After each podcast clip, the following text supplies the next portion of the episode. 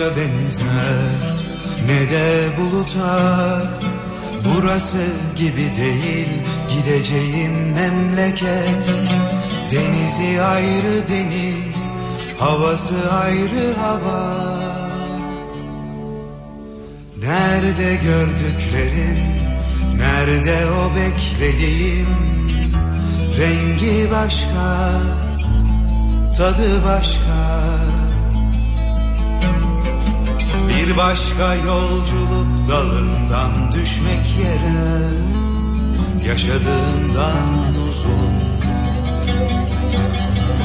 Bir tatlı yolculuk dalından inmek yere Ağacın yüksekliğince dalın yüksekliğince rüzgarda Ve bir yeni ömür vardığın çimen yeşilliğince Başka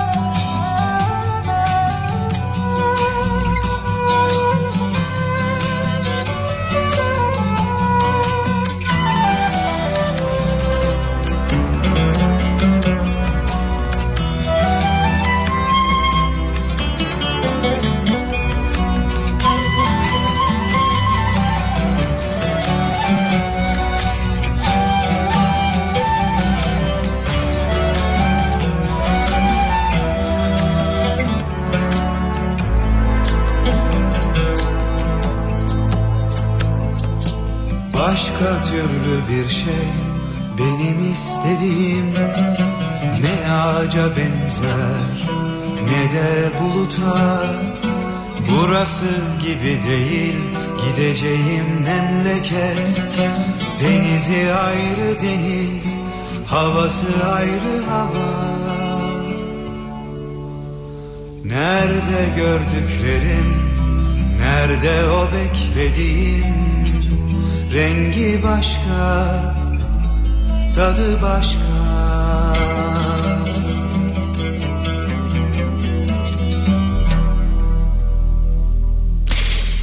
Türkiye'nin en kafa radyosundan, kafa radyodan hepinize günaydın. Yeni günün sabahındayız.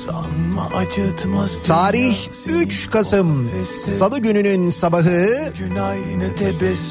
Soğuk, karanlık ve yağmur bekleyen bir İstanbul sabahından sesleniyoruz. Türkiye'nin ve dünyanın dört bir yanına. Aynalar bile hüzün Aşılacak dağlar önünde bak yolların uzun. Küçük mutsuz musun? Bak oyuncaklar var önünde deste deste. Hevesle yanan mum sönmez güçsüz bir nefeste. Sen korkma yeniden doğar güneş. Tut cebini de ne kaldıysa hatalarından kendi kendini kendi yerine. Korkarsan adım almaktan ya da tut giderinlere dalmaktan. Sen korkma yeniden doğar güneş. Tut cebini de ne kaldıysa hatalarından. Koy kendi kendini kendi yerine Korkarsan adım almaktan ya da tut giderinlere dalmaktan. Sen korkma yeniden doğar güneş. Yeniden güneşin doğmasını, yeni günün başlamasını beklerken saatleri de geri almayınca malum iyice karanlık sabahlara, karanlık günlere başlıyoruz. Giderek günler kısalırken bir yandan önümüzdeki günlerde yine yaşayacağımız, konuşacağımız bir sıkıntı haline gelecek. Kör karanlıkta işe gidip yine karanlıkta eve dönüşle ilgili sorunlar, sıkıntılar yaşayacağız önümüzdeki günlerde. Ancak maalesef konu sadece fiziksel bir karanlık değil. Gelecekle ilgili de ciddi bir karanlık durumu ve herkeste genel olarak bir umutsuzluk durumu var. Kaldı ki yaşadıklarımızı düşündüğümüz vakit, son günlerde yaşadıklarımızı, son aylarda yaşadıklarımızı düşündüğümüz vakit pek haksız da sayılmayız aslında. Cebini de ne kaldıysa hatalarından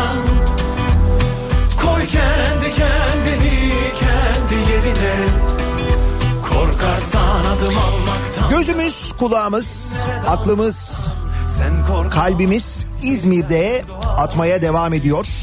İzmir'den gelecek haberleri bekliyoruz. Dün çok böyle umutsuzlukla başladığımız gün içinde hatta sabah saatlerinde mucizelere tanıklık ettik. Kurtarma çalışmalarında 88. saate girilmiş vaziyette. Maalesef hayatını kaybedenlerin sayısı 98'e yükseldiği an itibariyle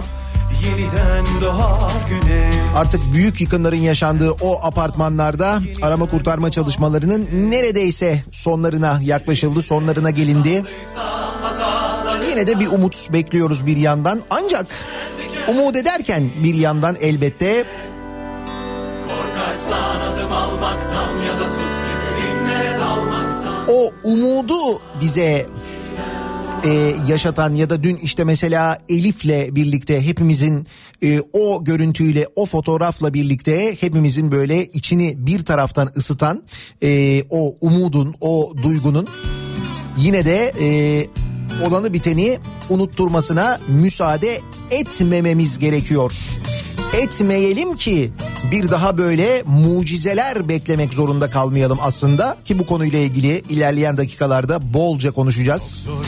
Bilmiyorum dün gece izleyebildiniz mi? Naci Görür Hoca televizyondaydı ve haklı olarak çok ama çok doğru sorular sordu. Şimdi o bir bilim insanı ve hepimizden çok bilgi sahibi Türkiye'nin bir deprem ülkesi oluşuyla ilgili neler olacağını bir bilim insanı olarak biliyor. Yıllardır ısrarla ve inatla uyarıyor. 99 depremi sonrasında biz Naci Hoca'nın ismini öğrendik doğal olarak.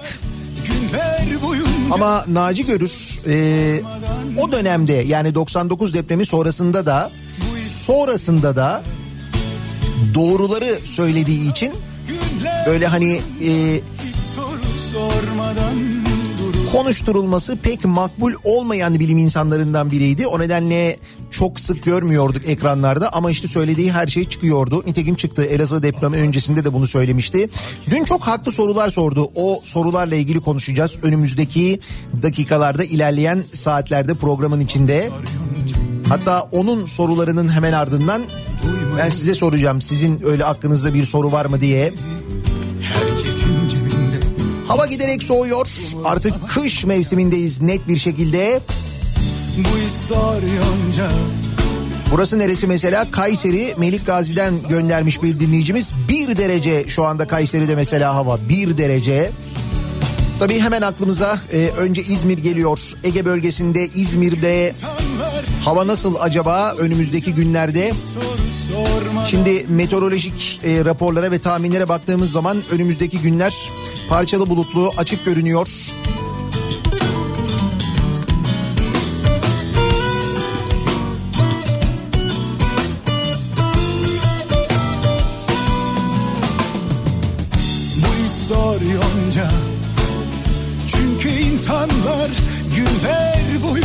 Bugün beklenen en yüksek sıcaklık 21 derece olacak İzmir'de. Bu sıcaklık değerleri 3 aşağı 5 yukarı aynı şekilde devam ediyor. 21, 22, 23 derece civarında gün içindeki sıcaklık, gündüz sıcaklığı. Gece ise sıcaklık 10 derece hatta 10 derecenin altına kadar da düşüyor.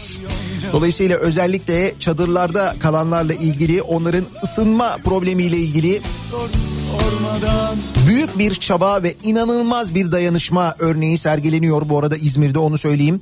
Türkiye'nin dört bir yanından e, yardımlar yapılıyor ve bu yardımlar e, gerçekten de çok ama çok koordineli bir şekilde e, dağıtılıyor.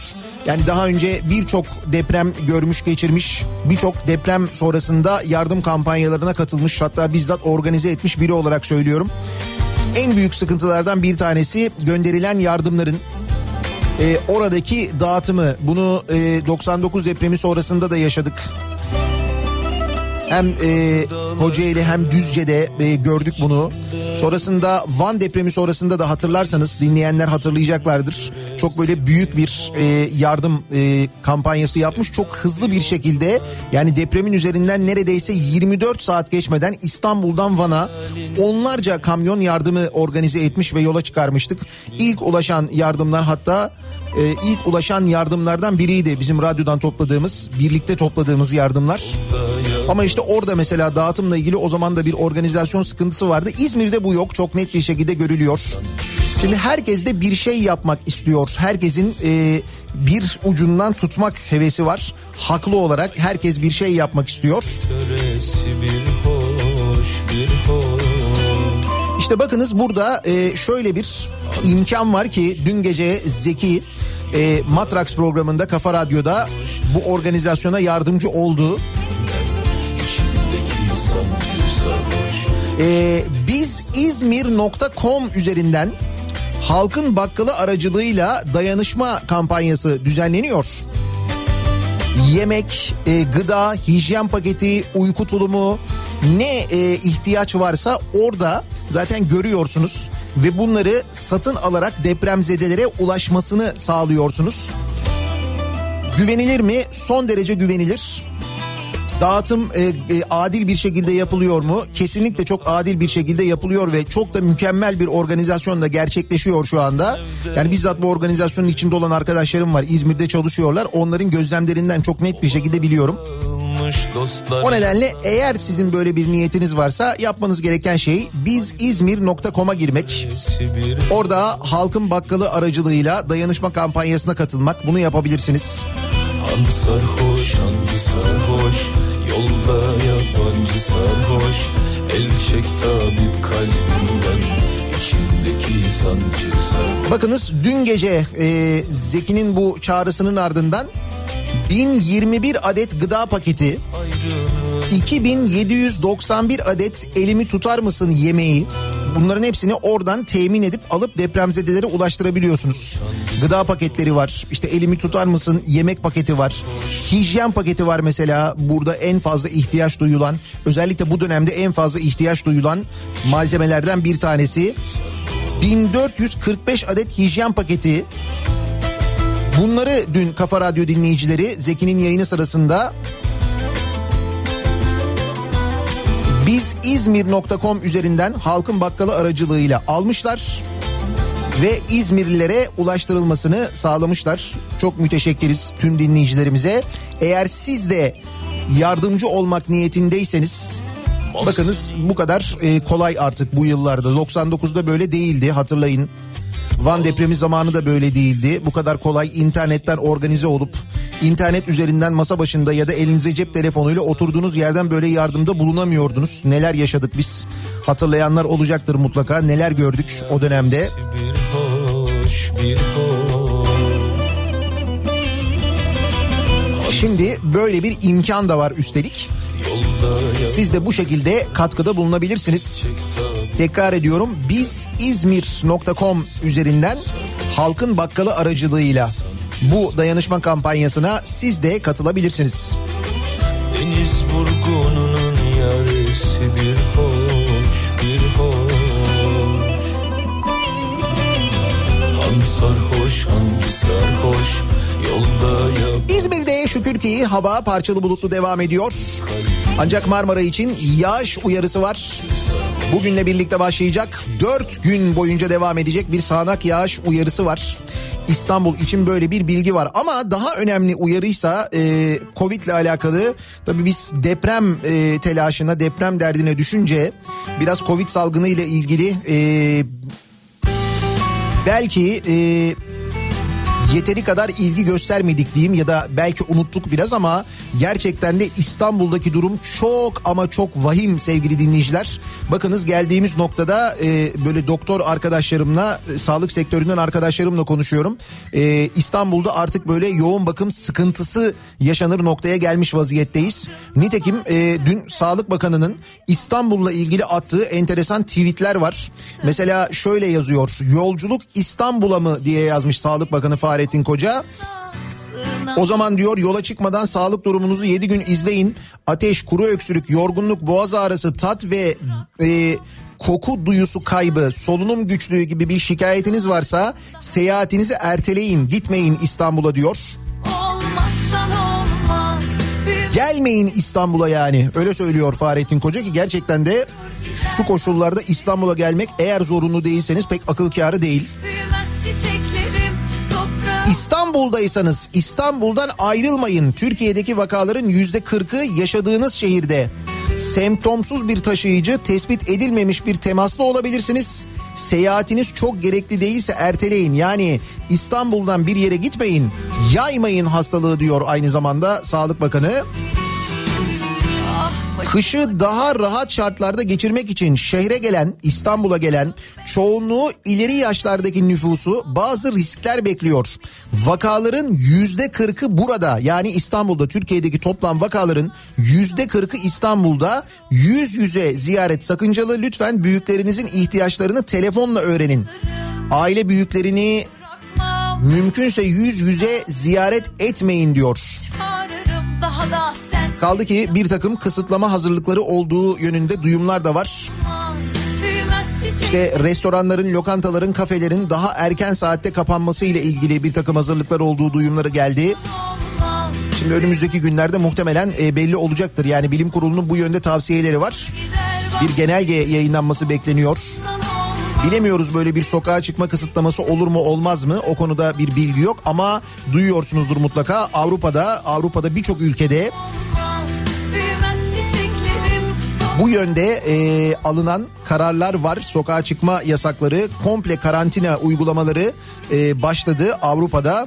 Bu arada Avrupa demişken e, dün gece Viyana'da yaşanan bir terör saldırısı var. E, aslında işte dünyanın bir numaralı gündemi şu anda en çok bu konuşuluyor. Yine bir terör saldırısı sokaklarda ellerinde e, otomatik silahlarla insanları sokakta yolda yürüyen insanları öldüren ve gerçekten de Viyana'nın çok e, Avusturya'nın hatta çok böyle alışık olmadığı bir terör saldırısı. Diğer ülkelere kıyasla söylüyorum bunu. Yaralanan Türkler de var maalesef öyle bir durum da var. Vurdu Avrupa'da bu arada bu konuşuluyor. Dönelim yeniden Covid'e. Bakınız geldiğimiz noktada Kırklareli'nden gelen bir haber var. Kırklareli valisine göre doktorlar hasta seçmeye başlayabilir.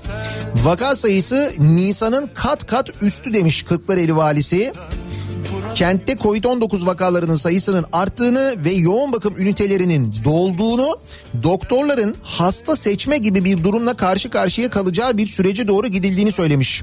Hani ilk başladığında e, Mart'ta, Nisan'da mesela İtalya'dan gelen, e, İspanya'dan gelen öyle görüntüler izliyorduk hatırlıyor musunuz?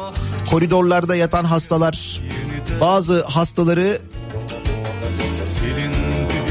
işte seçmek durumunda kalmak, tedavi olabilecek olamayacak durumunda kalmak zorunda olduklarını anlatıyorlardı oradaki hekimler. İşte biz Türkiye olarak şu anda o tabloya doğru ilerliyoruz. Maalesef o nedenle iki kat dikkatli olmak lazım. Formatlamak gerek yeniden. Hayat beni yordu dersen. Aşkta yıkan o zaman yeniden. Aşk olsun da düş olsun. İster sonunda yaş olsun gecelerde yaşananları kim unuttuysa taş olsun. Günler gecelerde yaşananları kim unuttuysa taş olsun. Aşk olsun güzelim aşk olsun dünyanın bir başka önemli gündem maddesi Amerika'da yapılacak seçim. Amerika'daki başkanlık seçimlerine bütün dünya e, kitlenmiş vaziyette orada olacakları bekliyor. Amerika'da ise sanki böyle bir başkanlık seçimine değil de bir savaşa hazırlanılıyormuş görüntüsü var. Eskitir Trump e, kötü şeyler olabilir demiş. birden Güvenlik önlemleri artırılmış. Trump'ın erken zafer planının olduğu öne sürülürken Biden seçimi çalamayacak demiş. Bu Amerika'da yaşananlar e, Trump'ın bu açıklamaları olan biten falan takip ediyorsanız eğer size de biraz tanıdık geliyor mu acaba? Oyların sayımını beklemeden zafer ilan edebileceği öne sürülüyormuş Donald Trump'ın. Şimdi Donald Trump'ın e, nasıl seçildiğini ve nasıl bir politikacı olduğunu anlamanıza yarayacak e, bir dizi var sevgili dinleyiciler. kim 4 bölümlük bir mini dizi. E, eğer izlemediyseniz muhakkak izlemenizi öneririm. günler gecelerde yaşananlar O seçildiği sene yaşananları anlatan o dönemin e, FBI direktörü ki Barack Obama başkanlığı döneminde bu adam atanıyor. Ve e, tam da atandıktan hemen sonra önce bu Hillary Clinton'ın e, Hillary Clinton'da aday o sırada biliyorsunuz demokratların adayı işte cumhuriyetçilerin adayı da Donald Trump. Tam da o sırada bu e, e-mail skandalı patlıyor. Hillary Clinton'ın e-mailleri işte böyle e, ortalığa saçılıyor. Hatırlayınız o zaman yaşanan krizi kendisi o dönem Dışişleri Bakanı çünkü. Şimdi hem bu soruşturmayı hem de Rusya'nın e, Amerika seçimlerine müdahalesiyle ilgili soruşturmayı yürütüyor o sırada FBI. Bütün bunların başında olan bir adam. Ve sonra e, Donald Trump'ın işte seçilmesi ki onun sayesinde seçildiği, onun yaptığı yanlışlar yüzünden, FBI'nin yaptığı yanlışlar yüzünden seçildiğiyle ilgili böyle birçok eleştiri var. Bu eleştiriler altında Donald Trump göreve başlıyor ve Donald Trump'la çok enteresan bir e, ilişkisi oluyor adamın ama şöyle bunu istemiyor aslında. O da sevmiyor Donald Trump'ı. Fakat e, Donald Trump sürekli çağırıyor bunu. Sürekli böyle bir e, görüşmek istiyor. Bu da bütün bu görüşmeleri kayıt altına alıyor. İşte o e, kayıt altına aldığı görüşmeler ve o dönem yaşananlardan e, derlenen bir dizi. E, The Comey Rule diye bir dizi. Dediğim gibi 4 bölümlük bir dizi. Jeff Daniels başrolünde oynuyor ki Jeff Daniels yine muhteşem oynuyor. Tam da Amerika seçimleri e, gelmişken e, bence seçimlerden hemen önce vaktiniz varsa eğer izleyiniz. En azından biraz fikir sahibi olursunuz. Trump'ın ve çevresinin nasıl bir cahiller ordusu olduğunu yani e, anlamak adına gerçekten çok önemli, çok ilginç. E, çünkü orada Trump'ı oynayan bir oyuncu da var. O da muhteşem oynuyor bu arada. E, ve gerçekten de hani bir izlemeniz e, nasıl bir e, güruh tarafından Amerika'nın yönetildiğini de anlamanız adına gerçekten çok aydınlatıcı olur diye düşünüyorum. Bu dizi ismi e, Comey Rule diye geçiyor. Jomey Rule diye yazıyor. Bu şekilde belki arayıp bulabilirsiniz. Bin Connect'te var. E, orada alt yazılı bir şekilde izleyebiliyorsunuz. Salı gününün sabahındayız. Nasıl bir sabah trafiğiyle acaba işe gidiyoruz? Hemen dönelim trafiğin durumuna bir bakalım göz atalım.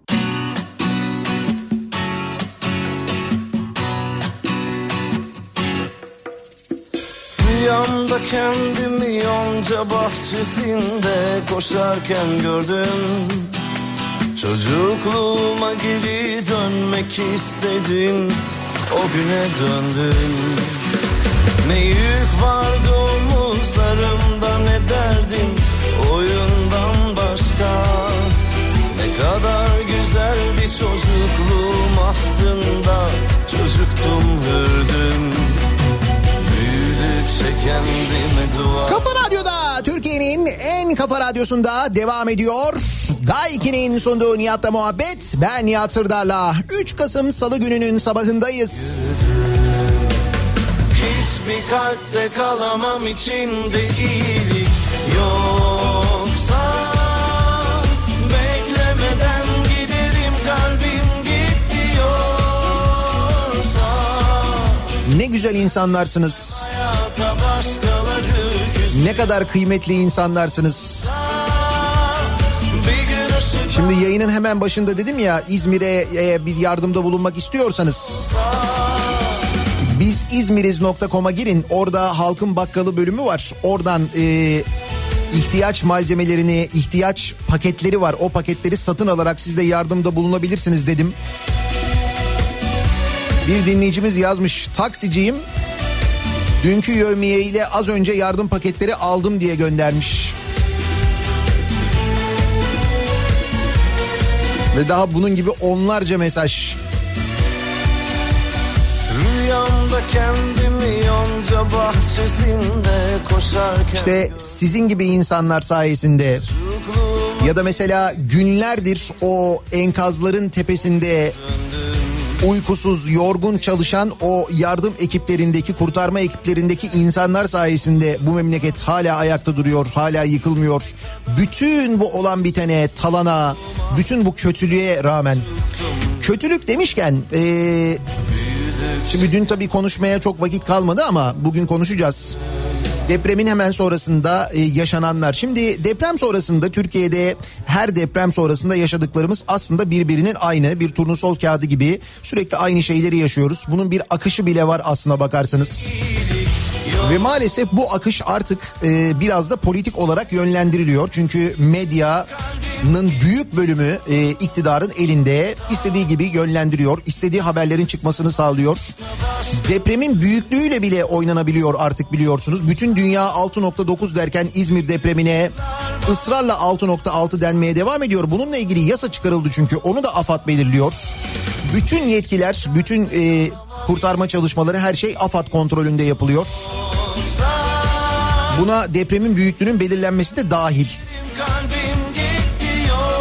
Neyse benzer şeyler yaşıyoruz depremlerden hep sonra. O yaşadıklarımızdan bir tanesi de depremin üzerinden çok kısa bir zaman geçtikten hemen sonra sosyal medya aracılığıyla deprem bölgesindekilere kin kusanlar. İşte depremi ki bu bir yer kabuğu hareketi. Yani çok basit anlatımıyla bir yer kabuğu hareketi. Aslında hani ne dinle ne bir kutsal kitapla ne yaratıcıyla hiçbir şeyle alakası olmayan bir şey aslında. Ama e, bu durumu özellikle İzmirlilere hakarete çevirenler oldu biliyorsunuz depremin hemen sonrasında. Özellikle bunlardan bir tanesi çok ön plana çıktı. E, ne yazıyordu? İsmi Asena Türk yazıyordu hatırlıyor musunuz? İzmirlilere hakaret eden bir bir şimdi ne vardı söylemeyeceğim ben. Ben de hakaret etmeyeyim onun gibi olmayayım ama bu e, hakaret edenler bu şekilde yazanların birçoğunu yakaladı e, İçişleri Bakanlığı. Bu konuda bu sefer hakikaten çok hassas davrandılar ve yakalandı birçoğu gözaltına alındı. Tutuklananlar oldu aralarında. Bu Asena Türk e, diye bir kullanıcı bir kadın fotoğrafı var. İşte böyle kapalı bir kadın fotoğrafı var. Hatta bir hesap daha var e, yine aynı e, kişi tarafından yönetildiği anlaşılan ve bunları e, paylaşan bu Asena Türk hesabını e, kullanan erkekmiş sevgili dinleyiciler. Sahibi erkek çıkmış. İzmir'de meydana gelen depremin ardından sosyal medya üzerinden provokatif paylaşımda bulunan Asena Türk kullanıcı adını kullanan şahıs yakalandı. Emniyete yapılan yüzlerce şikayet sonrası başlatılan operasyonda gözaltına alınan hesap sahibinin erkek olduğu ortaya çıktı. Bir de bir tipi görseniz var ya kendi adıyla, kendi yüzüyle, kendi sıfatıyla yazmaya cesareti olamayan bir zavallı aslına bakarsanız tip. Tutuklanmış zaten bu arada. bir şey söyle. Tabii asıl merak ettiğimiz konulardan bir tanesi de e, bu deprem sonrasında işte e, çöken insanlara mezar olan o binalarla ilgili nasıl bir tahkikat yapılacağı ile alakalı 9 kişinin gözaltına alındığı bilgisi var. Aralarında yıkılan binaların müteahhitleri de var.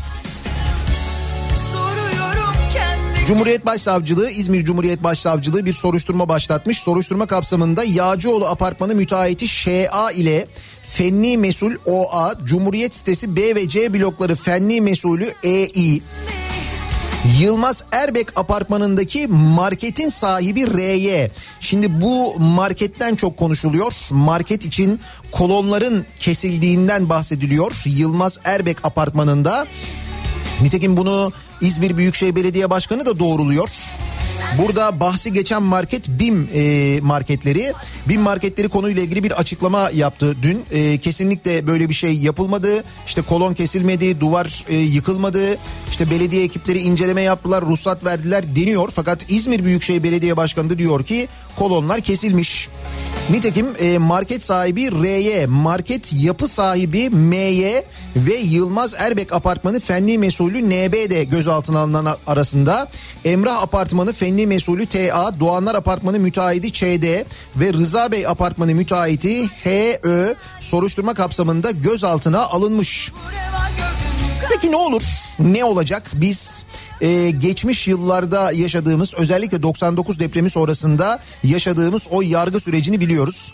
O yargı sürecinde e, işte gözaltına alınanlar, tutuklananlar, o çürük binlerce binayı yapanların hepsi serbest kaldılar. Kimileriyle ilgili soruşturmalar yalapşap düzenlendi hemen serbest kaldılar. Kimileri tutuklandı bir müddet sonra rahşan affıyla serbest kaldılar. Diğerleri zaman aşımından kurtuldular. Bir işte e, Veli Göçer vardı o dönem Yalova'da yıkılan binaların birçok binanın müteahhitiydi Veli Göçer hatırlayınız. Veli Göçer de 2000 11 senesinde mi tahliye oldu? Bundan 9 sene önce Veli Göçer'de tahliye oldu. Bir e, o zaten işte böyle göstermelik, mostralık derler. Onu yargıladılar. Onu cezaevine koydular. Öylece on binlerce insanın hayatını kaybettiği depremin üzeri bu şekilde kapatıldı. Şimdi hal böyle olunca. Diğer depremlerde neler olacağını o zamandan itibaren tahmin etmek pek güç olmadı. Nitekim müteahhitler de böyle düşündüler. Dediler ki lan bu işte 99 depreminde bina yapanlara bile bir şey olmadıktan sonra ben bu binayı yaparken malzemeden çalsam ne olur çalmasam ne olur dediler ve çaldılar. Ve e, bir şey olmadı. Van'ı hatırlayınız. Van depremini hatırlayınız. Van depremindekilere ne oldu? İşte en son o Van'da yıkılan depremden sonra Artçı'da yıkılan o otelin e, müteahhidini hatırlayınız. Otelin sahibini hatırlayınız. O da serbest kalmadı mı? O da serbest kaldı. İşte daha yakında yaşadığımız bir hadise bu. Haritaya 99'a kadar gitmemize de gerek yok. Konuyla ilgili e, adalet kısmı bu yönde. Şimdi eğer adalet böyle işlerse, böyle çalışırsa, bu konuda caydırıcı olmazsa bundan sonra inşaat yapacak olan müteahhitler de aynı şeyleri yaparlar ki yapmışlar. Şimdi İzmir'de görüyoruz. Ben bulmuşum Nazlı yari. Geç desen de geçer miyim? Dördüncü günde İzmir Büyükşehir Belediyesi'nin depremle ilgili e, bir hasar raporu var güncellenen. Bu rapora göre yıkılan bina sayısı 7 yani tamamen çöken bina sayısı 7. Hasarlı bina sayısı 504. Boşaltılan bina sayısı 172 ki bu binaların çok yakın bir süreçte hızla yıkılacağı söyleniyor. Kontrollü bir şekilde yıkılacak o binalar. Tabii şimdi bu binalarda oturanlar, bu binalarda yaşayanların çok ciddi bir barınma sorunu olacak. Dolayısıyla önümüzdeki günler ve kış bu insanlar için çok zor geçecek. Bir konteyner kent kurulacağı söyleniyor. Kuvvetle muhtemel çadır kentlerde yaşam bir müddet daha devam edecek. Dolayısıyla o yardımlarla ilgili süreklilik sağlamak da çok önem arz edecek önümüzdeki günlerde. Şimdi bugünlerde çok sayıda yardımda bulunuluyor. E, depremin hemen sonrasında genelde böyle oluyor ama sonrasında da e, orada yaşayanların ihtiyaçlarını mutlaka kulak vermek gerekiyor. Ben İzmirlilerin bu konuda çok hassas davranacağına eminim. Ama e, biz de buradayız. Elimizden gelen ne varsa bundan sonraki günlerde, bundan sonraki aylarda çünkü aylarca sürecek bir mücadele olacak orada belli. Elimizden gelen her şeyi yapacağız hep birlikte. Dışta toprak gerek üstüne ev kurulmalı. Yar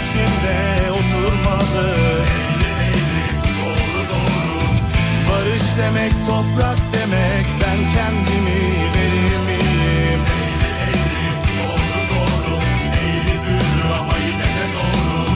Barış demek toprak demek ben kendimi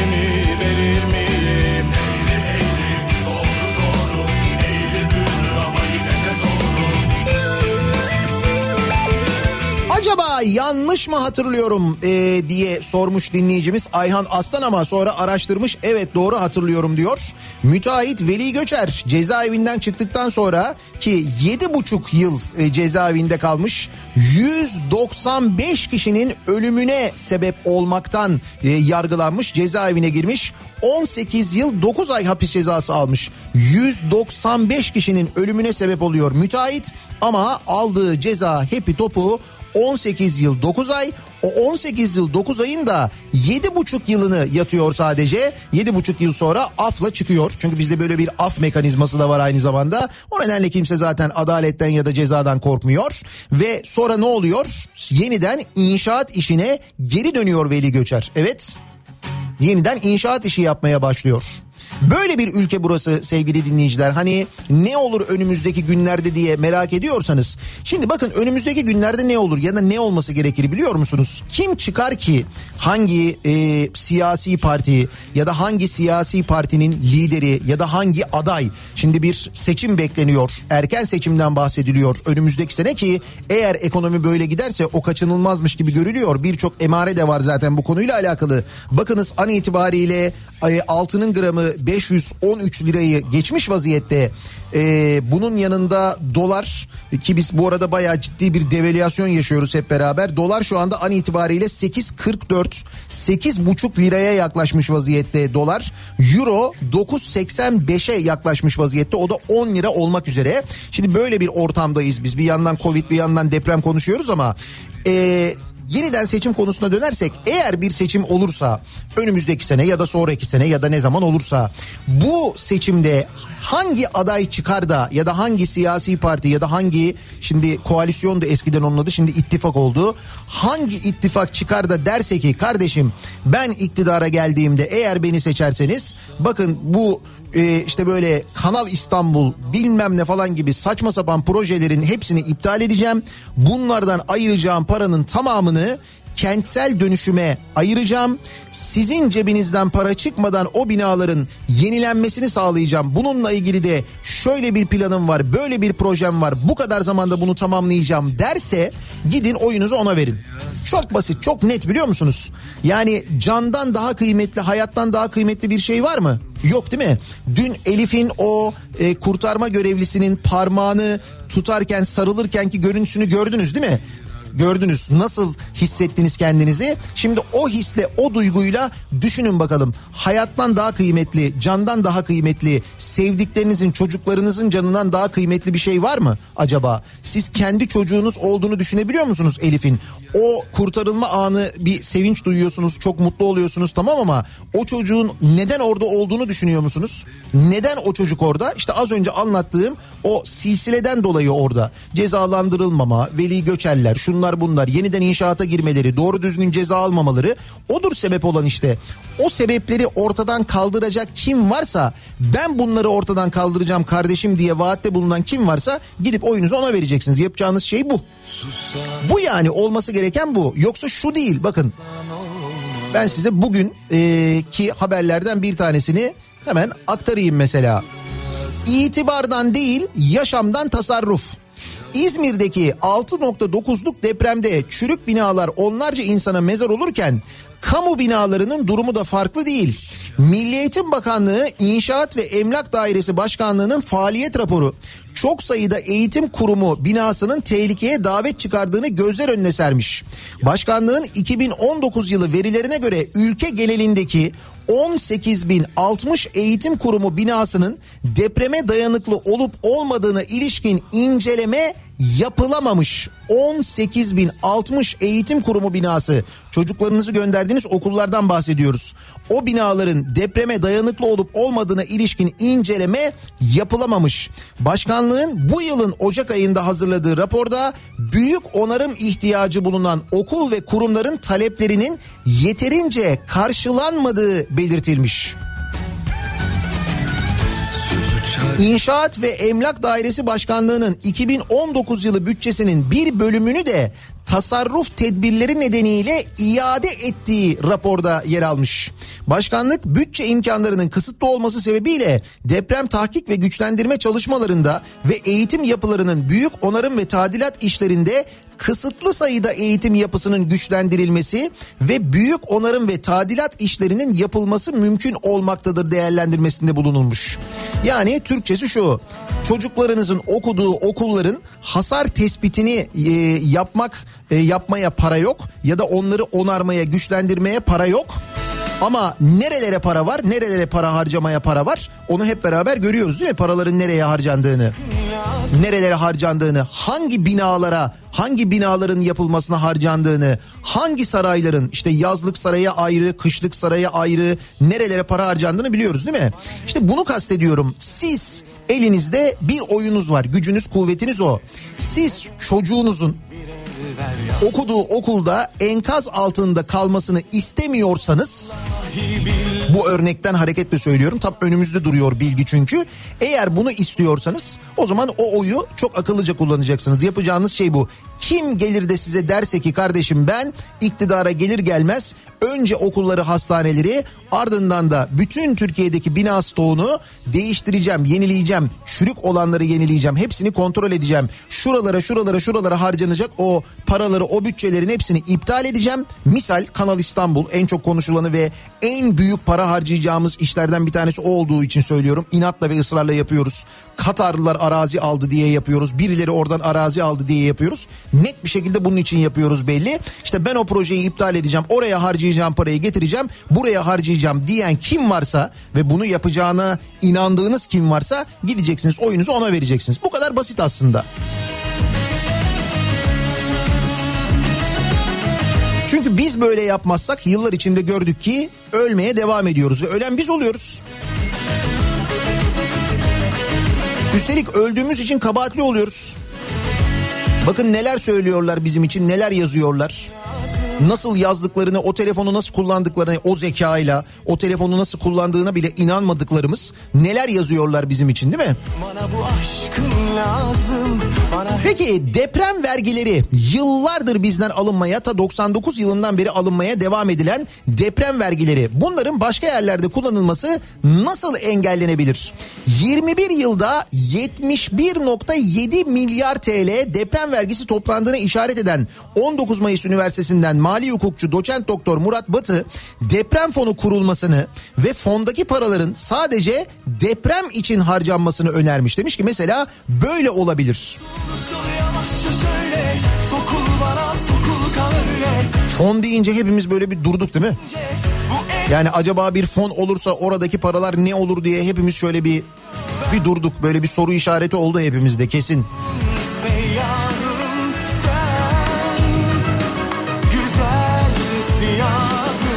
Nerede toplanan deprem vergileri? Sorduğumuz zaman eee, size hesap mı vereceğize kadar gelen yanıtlar aldık bugüne kadar. Önce cevap da veriliyordu. Deniliyordu ki işte o parayla işte yollar yapıldı e, deniyordu. İşte ihtiyaçlar için kullanıldı deniyordu. Sonra bunun hesabını mı vereceğiz denildi. En son o dönemin e, işte ekonomisinin başında olan Ali Babacan genel bütçeye aktarıldığını söyledi mesela.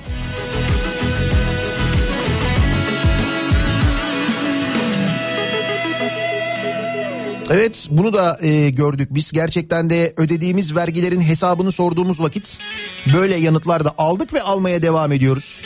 TRT'de yaşıyoruz aynı şeyi ki TRT ile ilgili de konuşacağımız konular vardı. Artık yarın sabah konuşuruz. Orada da çok acayip rakamlar var.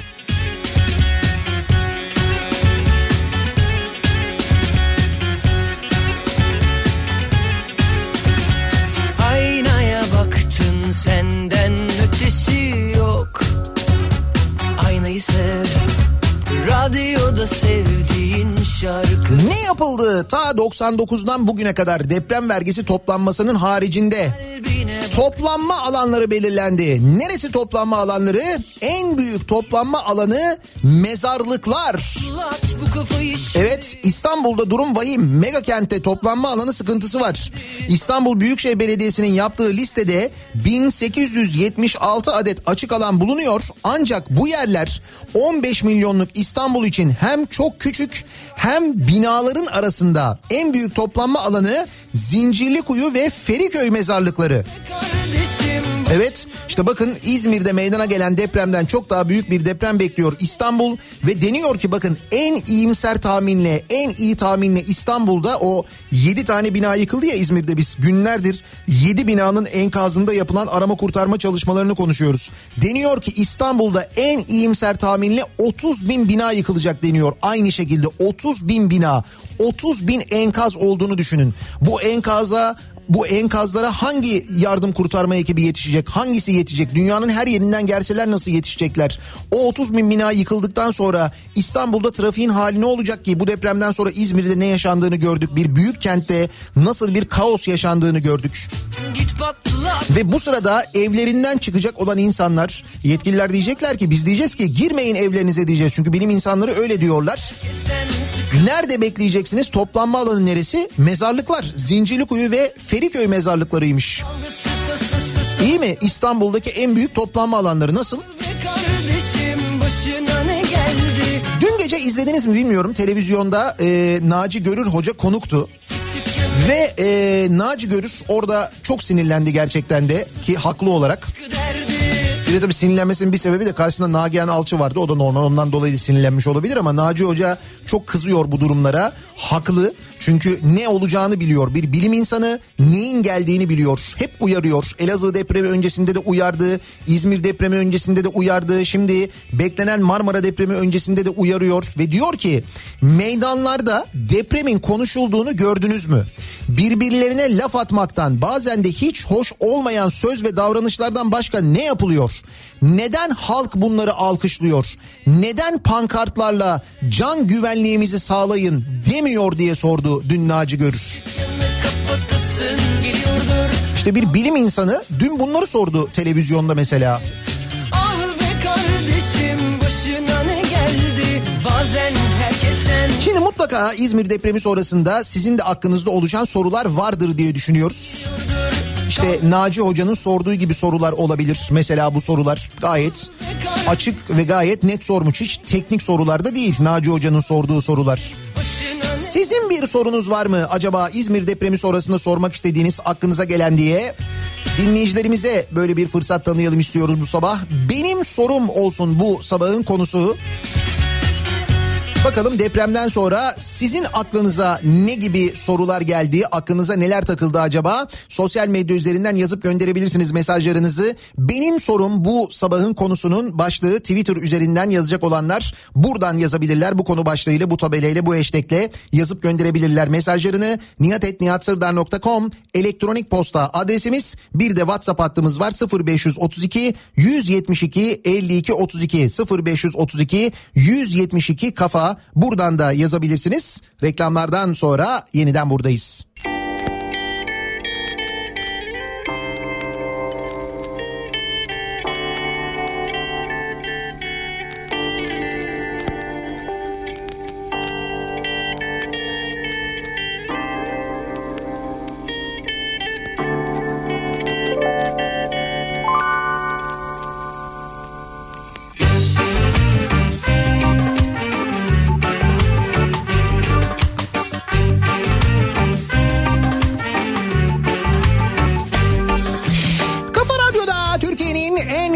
Radyosunda devam ediyor. Daiki'nin sunduğu Nihat'la muhabbet. Ben Nihat Sırdar'la. Salı gününün sabahındayız. Tarih 3 Kasım 8'e yaklaşıyor saat.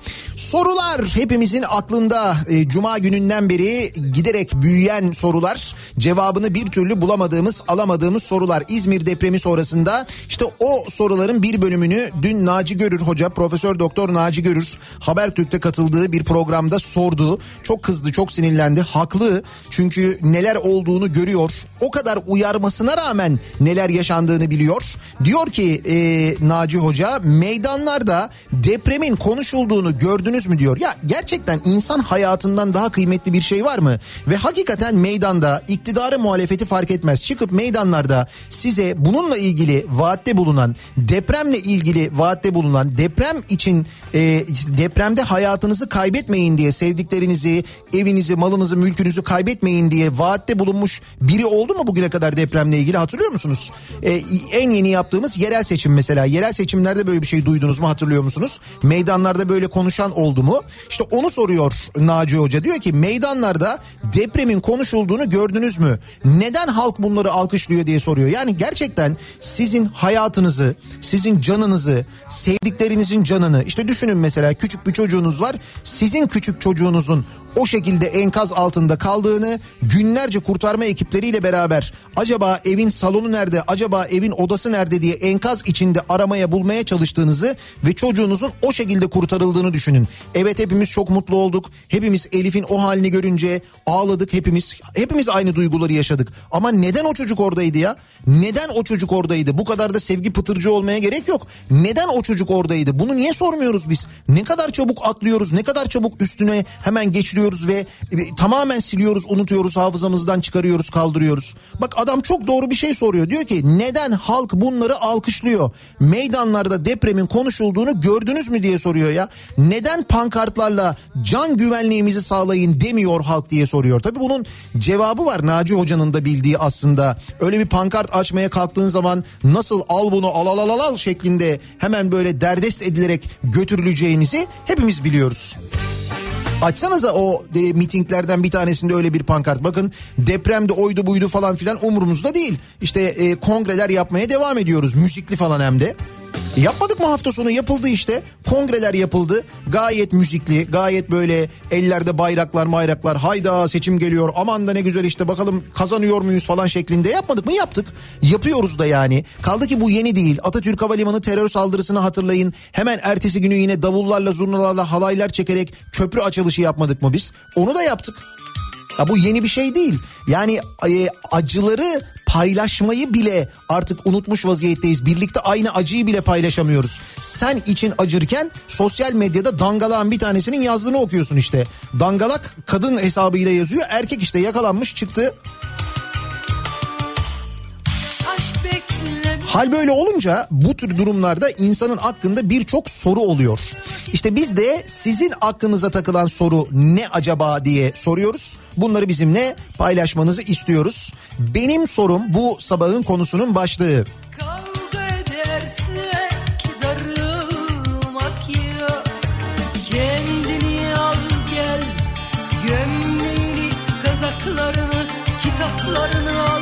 Şimdi diyor ki mesela avcılardan bir dinleyicimiz ben diyor avcılarda ikamet ediyorum. Kentsel dönüşüm adı altında her sokakta binalar yıkılıp yerlerine yenileri yapılıyor. Kentsel dönüşümse eğer neden komple mahalle yıkılıp kanalizasyon yapısından tutun da sokaklar, binalar sağlam ve güvenli bir şehir haline getirilmiyor.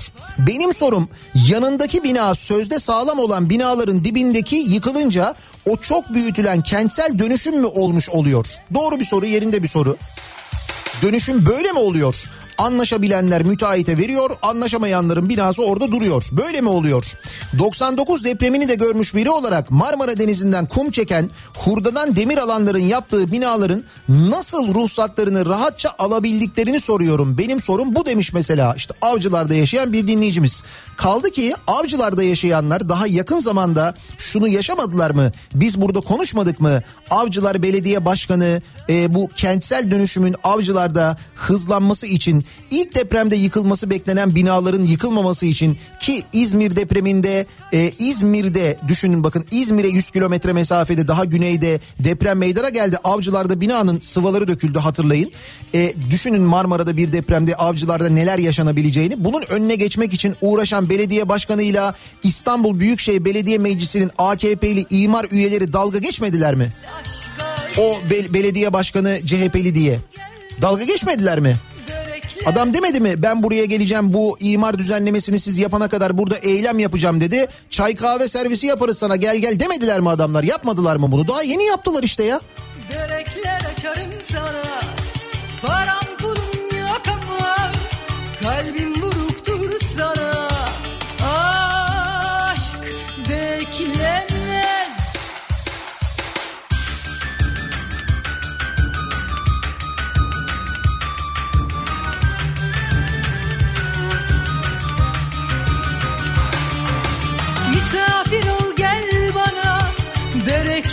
açarım sana.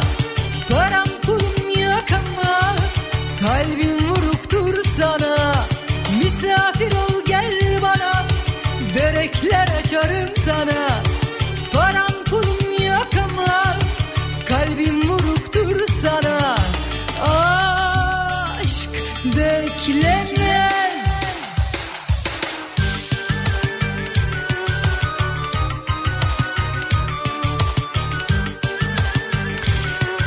sorum toplanan deprem vergileri nerede?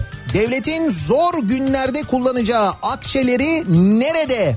Bundan daha zor gün ne olabilir diye soruyor Sami göndermiş. Biz o ihtiyat akçelerini de biliyorsunuz iç ettik. Bir yasa değişikliği yaptık. Onu da kullandık. Ne oldu? Kullandık da ne oldu? Hiçbir şey olmadı. Gördüğünüz gibi Türk parası dünyanın en değersiz parası haline neredeyse gelmiş vaziyette. Şu anda e, acayip bir şekilde bir devalüasyon yaşıyoruz. Yaşamaya devam ediyoruz. 8,5 liraya yaklaştı dolar düşünün. 1 dolar 8,5 lira geldiğimiz nokta bu. Sorsan e, işte bütün yedi cihan bize savaş açmış. Ondan öyle oluyor. İnanıyorsanız eğer.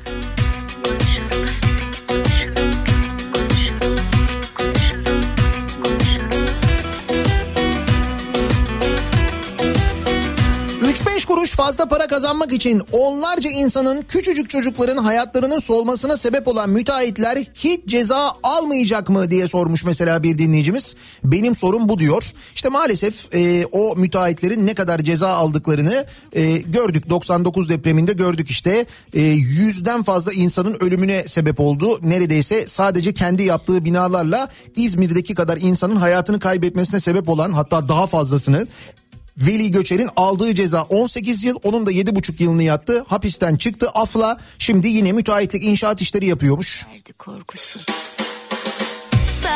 Hadi o 99'da oldu. E Van depreminden sonra ne oldu? O Van depreminde yıkılan otelin sahipleri ne oldu mesela? ben senden ibaretim.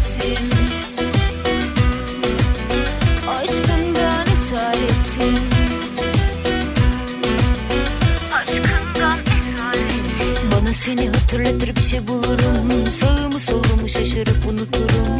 Uzaklara dalıp dalıp senin olurum. Sus olur seni konuşurum. Bana seni hatırlatır bir şey bulurum. Sağımı solumu şaşırıp Benim sorum İzmir'deki devlet ya da özel okullar ne kadar güvenli acaba diye soruyor bir dinleyicimiz.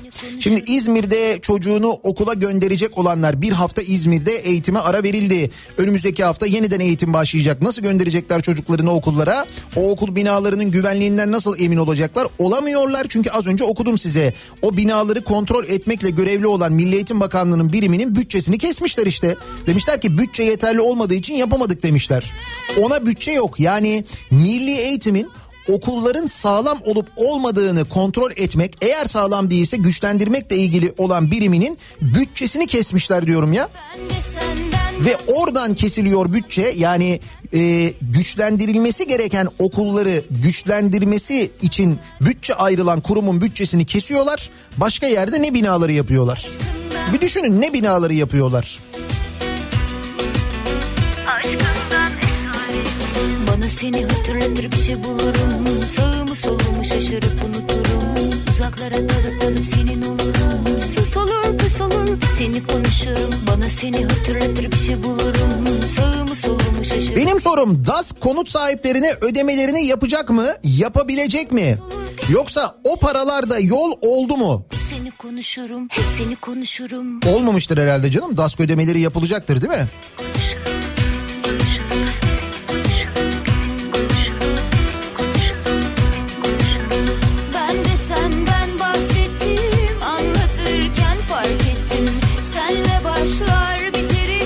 sorum muhalefete depremde yaşanan ölümlerin sebebi bizatihi politik olmasına karşın muhalefet şimdi siyasetin sırası değil naifliğiyle bu tabloyu nasıl değiştirecek acaba diye soruyor bir dinleyicimiz.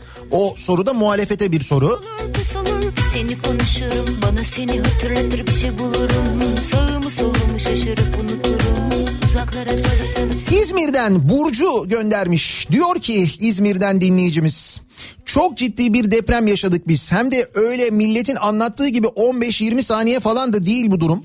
4 gündür yaşadıklarımızda 24 saat canlı yayın yapan bütün kanallarda neden hiç başkanımız Tunç Soyer'in ismi bile anılmıyor? Adam her gün saat 16'da neler yaptık neler yapacağız diye basına açıklama yapıyor. Kim yayınlıyor diye sormuş. Hiç dikkat ettiniz mi buna?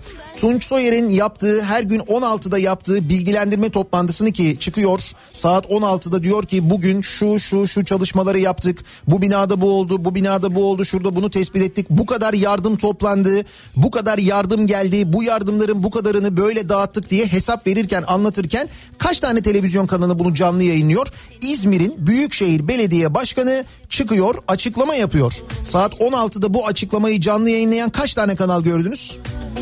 Bir düşünün bakalım kaç tane kanal gördünüz? Bırakın canlı yayınlamayı sonrasında veren kaç tane kanal gördünüz? Bakın bir depremden bahsediyoruz. Orada bile politika var. Ama demin dinleyicimizin söylediği gibi muhalefete geliyor. Şimdi politikanın zamanı değil. Lan politika yapıyorlar işte. Yapıyorlar işte. Bunun üzerinden de politika yapılıyor. Görmüyor musunuz? Evet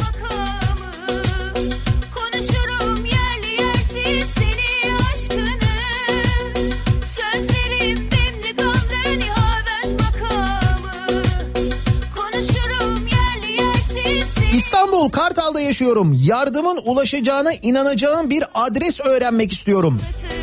Fark Ben hemen söyleyeyim bir kez daha programın başında söyledim. Dün gece de biz Kafa Radyo'da Zeki'nin programında Zeki Kayan Coşkun'un programında bu e, adresle ilgili daha doğrusu internet sitesiyle ilgili bilgi verdik. Buradan sağlanan yardımlar ki dün akşam Kafa Radyo dinleyicileri aracılığıyla 1021 adet gıda paketi, 2791 adet elimi tutar mısın yemeği, 1445 adet hijyen paketi e, alındı ve onlar depremzedelere ulaştırılacak. Biz İzmir.com üzerinden e, bu yardımlarda bulunabiliyorsunuz. Biz İzmir.com'a giriyorsunuz. Orada halkın bakkalı var. İşte orada bir dayanışma kampanyası devam ediyor. Hazırlanan paketler var. Yiyecek paketleri var, yemekler var, hijyen paketleri var. Bunları e, satın alabiliyorsunuz ve e, bu satın aldığınız ürünler İzmir Büyükşehir Belediyesi organizasyonunda depremzedelere e, dağıtılıyor. Dağıtım konusunda, organizasyon konusunda bir sıkıntı olmadığını biliyoruz. Çok organize ve çok düzgün bir şekilde çalışılıyor. Sadece belediye değil, İzmirliler gönüllü olarak çalışıyorlar bu dağıtım merkezlerinde yardımların gel bütün yardımlar bir yerde toplanıyor. Onlar çok güzel tasnif ediliyor ve çok güzel dağıtılıyor. Mutlaka arada görüyorsunuzdur o e, işte televizyonda gördüğünüz karaktersizler çıkıyor. Alıyorlar böyle yardımları kendi dükkanlarında satmaya çalışıyorlar ki o şerefsiz zaten tutuklanmış. Hırsızlıktan da sabıkası varmış. Cezaevine girmiş yeniden ama e, bu münferit olaylar sizi korkutmasın. Orada gerçekten gönüllü hareketiyle birlikte çok ciddi bir organizasyon düzenleniyor. Birçok dernek ki buna işte Ahbap da dahil, buna ihtiyaç haritası da dahil İzmir Büyükşehir Belediyesi ile birlikte güzel bir organizasyonla yardımları ula- ulaşması gereken yere ulaştırıyorlar. Bu durumda sizin yapmanız gereken iki şey var. Ya e, işte alacağınız yardımları e, ne bileyim ben işte bunlar uyku tulumu olabilir, battaniye olabilir, başka şeyler olabilir, kuru gıda olabilir. Bunları atlayacaksınız arabanıza gideceksiniz. Depremzedeleri bizzat bulacaksınız, kendiniz vereceksiniz ya da güvendiğiniz kurumlar ki burada bence güvenebilirsiniz bu organizasyona. Buraya e, oturduğunuz yerden satın alarak online satın alarak yardımda bulunacaksınız. Tekrar ediyorum biz İzmir.com üzerinden halkın bakkalı aracılığıyla bu dayanışma kampanyasına siz de katılabiliyorsunuz sevgili dinleyiciler. Sen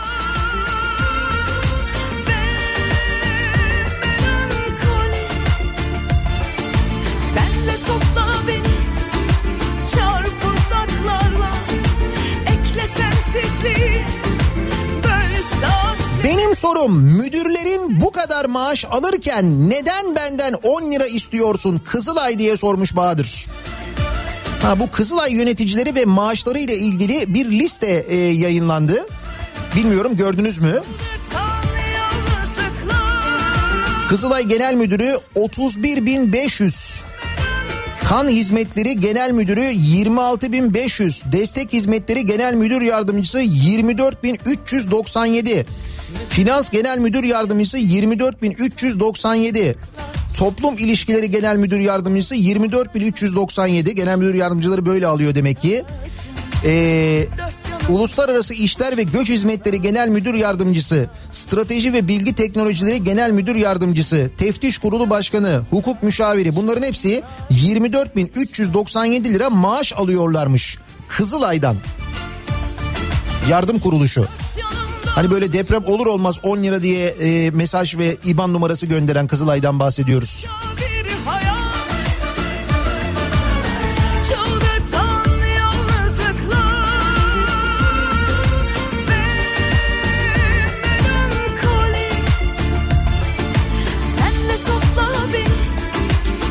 Benim sorum helalleşiyoruz diyerek vatandaşının canlı canlı tabutlarda yaşamasına göz yuman devlet mi Vatandaşının her türlü can güvenliğini sağlayacak.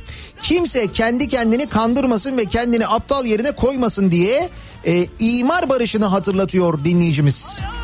Hatırlıyor musunuz o Hasan Kaçan'ın oynadığı imar barışı reklamını helalleşiyoruz diyordu hani.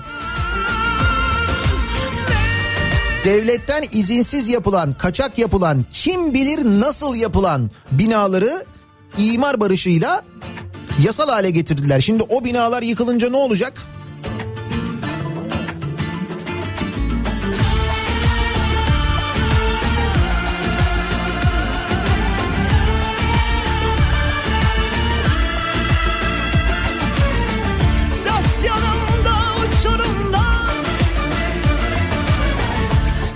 Başka neler oluyor neler. Bunları da artık yarından itibaren konuşmaya başlarız. Gündemimiz e, günlerdir deprem doğal olarak. Benim sorum diyor Deniz 14 sekreteri olan ama kendisi olmayan meslek yüksek okulumuzu kıskanan dış güçlere sizin derdiniz ne ya? Niye bizim meslek yüksek okulumuzu çalıyorsunuz? Benim meslek yüksek okulum olmasa Trump'ın dedesi marketten domates alamaz diyor Deniz. Neymiş bu haber? Ne yüksek okulu bu? Şu. Ordu Üniversitesi yüksek okullara sekreter atayıp müdür yapmış. Ordu Üniversitesi binası dahi bulunmayan iki meslek yüksek okuluna 4 yılda toplam 13 sekreter atamış. Yönetmeliğin etrafında dolanan üniversite bu 13 sekreterin 10'unu sonra şube müdürü yapmış. Bak olmayan okulda oluyor bunlar ha. Bence Ordu Üniversitesi bir mucizeyi gerçekleştiriyor yani.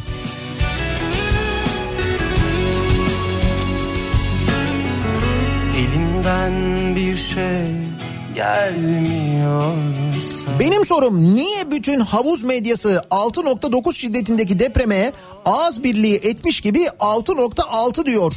Bunu soruyor Ziya. Dün Naci Görür Hoca bunu da açıkladı ki biz depremin olduğu gün yaptığımız özel yayında Cuma akşamı yayınında e, Kandilli Rasathanesi müdürüyle yaptığımız telefon görüşmesinde de öğrenmiştik. Kandilli'de 6.9 diyor. Dünya üzerindeki bütün neredeyse deprem enstitüleri onlardan gelen bilgiler 6.9 ya da 7 olduğu şeklinde sadece AFAD 6.6 olarak kabul ediyor. ötmüyorsa Böyle rakam daha düşük olunca herhalde daha mı itibarlı olduğunu düşünüyorlar nedir? azalıyor insan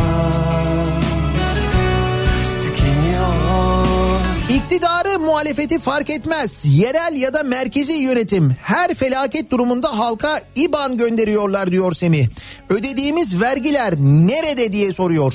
Oldu olacak ülkenin ismini değiştirip kocaman IBAN yazalım diyor. Aslında ülkenin isminin altına böyle bir sabit IBAN numarası da hani bileyim belki yabancılar merak eder bir para gönderir falan.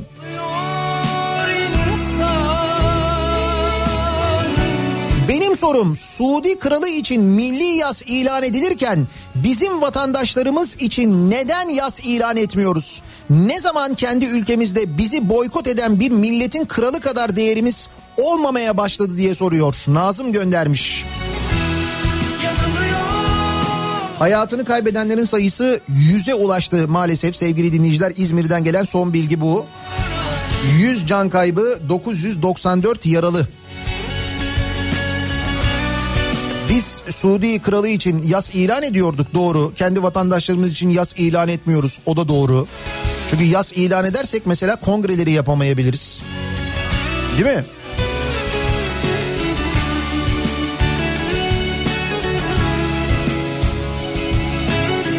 O Suudi Arabistan ki bizimle ilgili neler yapıyor? Boykotlar, boykotlar, dış politika ile ilgili hamleler ne yapıyoruz? Bir cevap verebiliyor muyuz? Cevap bile veremiyoruz. Vermiyoruz yani. Sanıp aldanıyorsa Ne bekliyorsa yoktan olmuyorsa Azalıyor insan Tükeniyor insan. Geçmişin üstesinden gelmiyorsa Hesabı kesip dosttan saymıyorsa Vicdanının sesini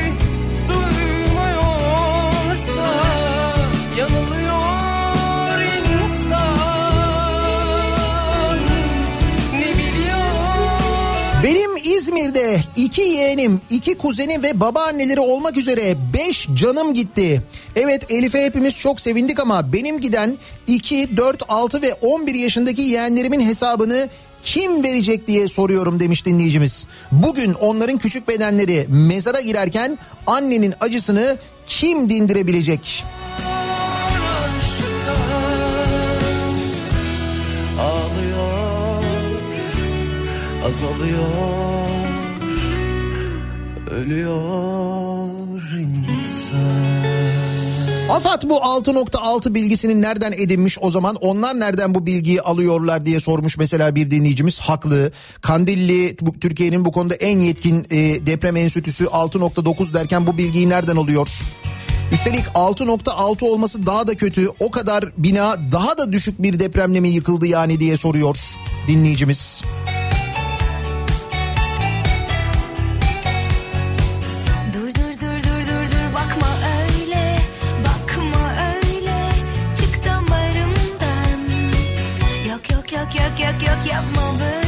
Benim devlete sorum 30 bin lira verirken evlerini kaybedenlere hiç mi içleri acımadı?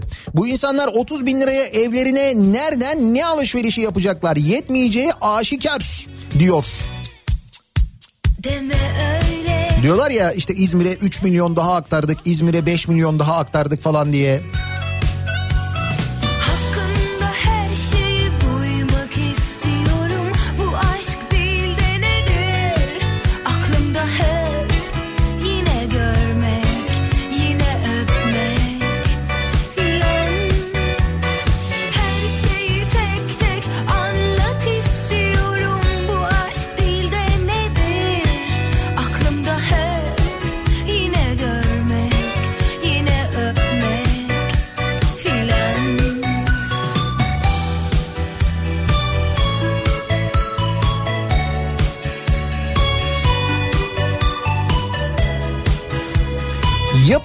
statik hesaplamalarda zemin etüt sonucuna göre binanın kar, rüzgar, insan, eşya yüklerine göre deprem simülasyonu yapılarak demir donatıları seçilir. Ama maalesef maliyet düşük olsun diye daha ince demirler seçiliyor.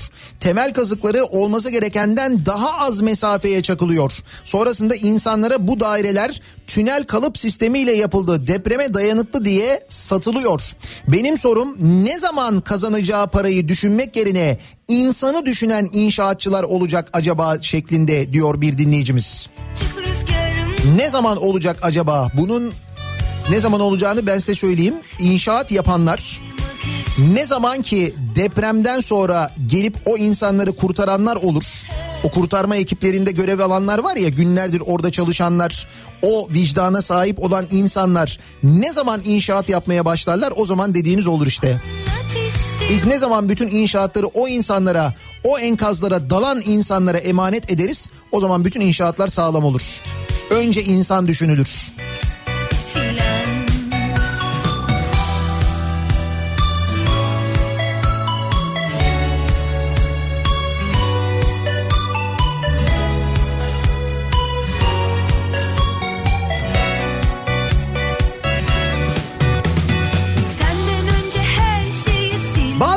Kargo firmaları e, deprem bölgesine İzmir'e göndereceğiniz gönderilerinizi ücretsiz olarak gönderiyormuş.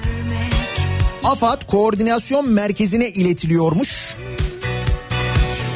Ee, Aras Kargo mesela böyle yapıyormuş bilginiz olsun. Şimdi Aras Kargo'dan dinleyicilerimiz gönderdiler.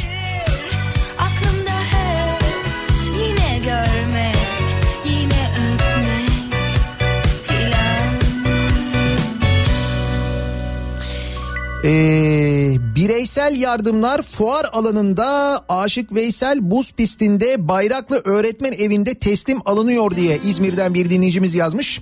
Olur da eğer siz bir yardım götürmeye niyet ederseniz ben götüreceğim yardımımı kendim teslim edeceğim derseniz bakınız İzmir'de tekrar ediyoruz bireysel yardımlar fuar alanında Aşık Veysel buz pistinde ve Bayraklı Öğretmen Evi'nde teslim alınıyormuş görevliler tarafından yetkililer tarafından. İzmir'de iş gücü ihtiyacı da var. Ee, diyor mesela Zuhal öğretmen göndermiş. Bugün günlerden pazar İzmir'de yaşıyorum. Depremi tek başıma kızım okuldayken yaşadım. Allah kimseye yaşatmasın. Benim sorumsa yeni binalardaki kolonların çatlaması deprem yönetmeliğine nasıl uygun denebiliyor? Bunu merak ediyorum. Hangi binalara güvenelim? korku ile yaşıyoruz diyor. Şimdi bundan sonra e, ki bundan önce de vardı aslında bunun tartışmaları yaşanacak. Aynı binada oturan insanlar bu konuda bir fikir birliğine varamıyorlar. Bunun da gerçekten çok enteresan gerekçeleri var. E, şöyle deniyor ki mesela bir binanın e, siz oturduğunuz binanın misal sağlamlığından endişe ediyorsunuz. Diğer bina e, oturanlara, bina sahiplerine, daire sahiplerine diyorsunuz ki gelin binanın kontrolünü yaptıralım. Karşı çıkıyorlar buna bazıları. Sebep diyorlar ki eğer diyorlar biz bu kontrolü yaptırırsak birincisi cebimizden para çıkacak. E, o para daha önemli onun canından çünkü.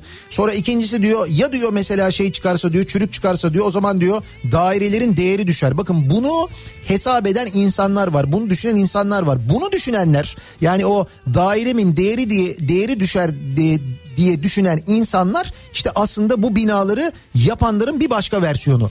Onlar yapıyorlar bu binaları zaten. Aslında bütün dert para. Bütün dert nasıl daha fazla kar edebilirim? Bütün dert bu. Dairesinin kıymeti düşmesin diye binasının kontrolünü yaptırmayanlar var maalesef bu ülkede. Yani eşinin, çocuğunun, sevdiklerinin canının kıymeti yok. Dairesinin kıymeti var. Bu mudur gerçekten kıymetli olan hayatta? Bu mudur hakikaten de? Sonra biz bu insanlara şey anlatmaya çalışıyoruz. İşte siyasetçilere bunun hesabını sorun. İşte gidin deyin ki neden işte bizim canımızı kurtarmıyorsunuz falan. Buna mı söyleyeceğiz biz bunu yani?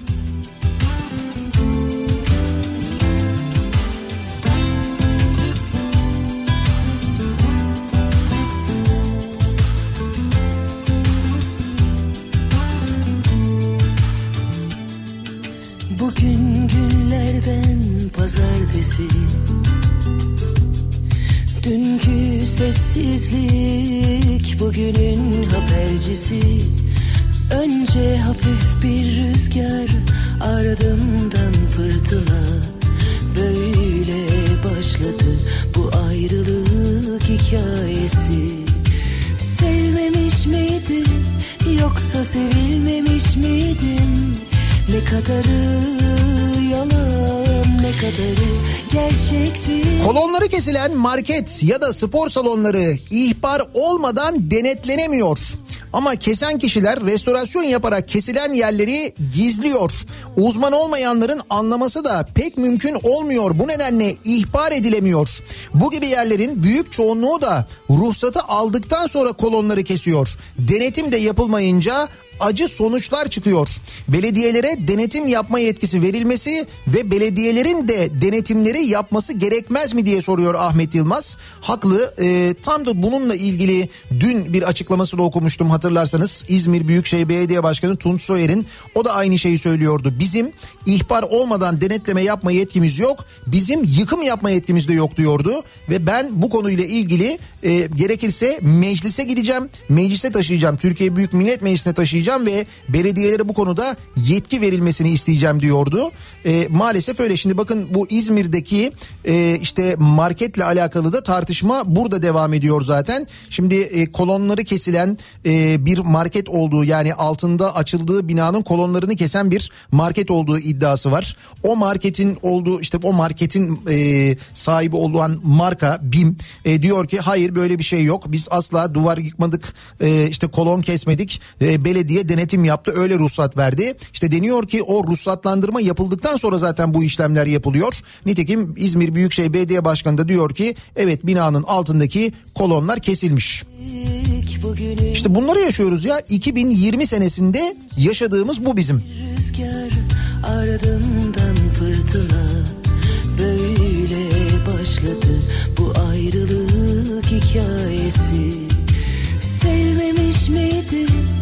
yoksa sevilmemiş miydim Ne kadarı yalan ne kadarı Benim sorum şu Van depremi, Elazığ depremi, İzmir depremi çok da zaman aralığı fazla olmayan doğal afetler ve sonuçları ortada.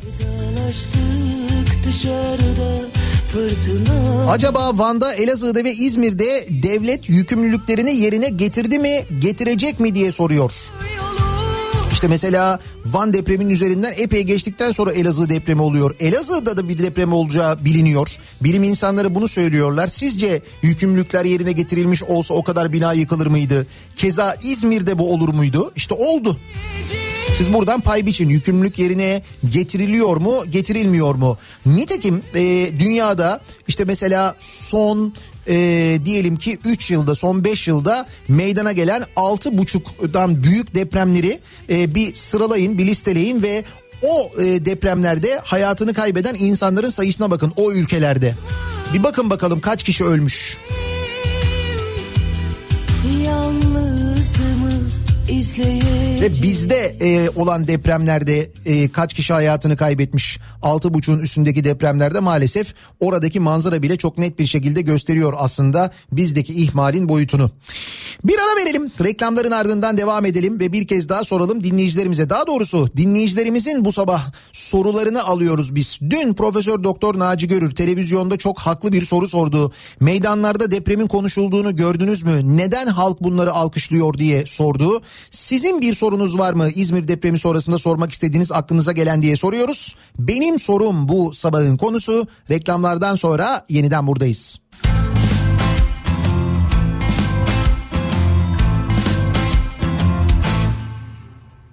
Bakın amirim beni hapsedin Yoksa yakacağım gezegeni söyleyin Çok kararlıyım, çok hevesliyim Her şey tek bir kıvılcıma bakar ben değil Evrenin dışındayım, evimde kiracıyım Sabah sekiz akşam beş arası uykudayım. Kendime yabancıyım, kimlikte Sivaslıyım. Ben hiç aşık olmadım, toplumla savaştayım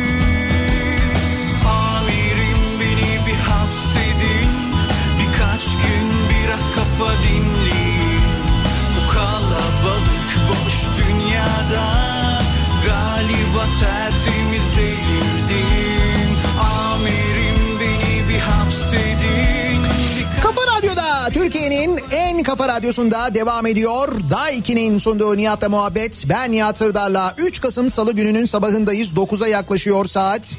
Ve benim sorum bu sabahın konusunun başlığı İzmir depremi sonrası yeniden aklımıza gelen ve bir türlü cevabını bulamadığımız sorular. En başta deprem vergileri nerede sorusu 70 milyar liradan fazla bir para toplanmış. 99 depreminden bugüne özel iletişim vergisi adı altında toplanan vergiden bahsediyoruz.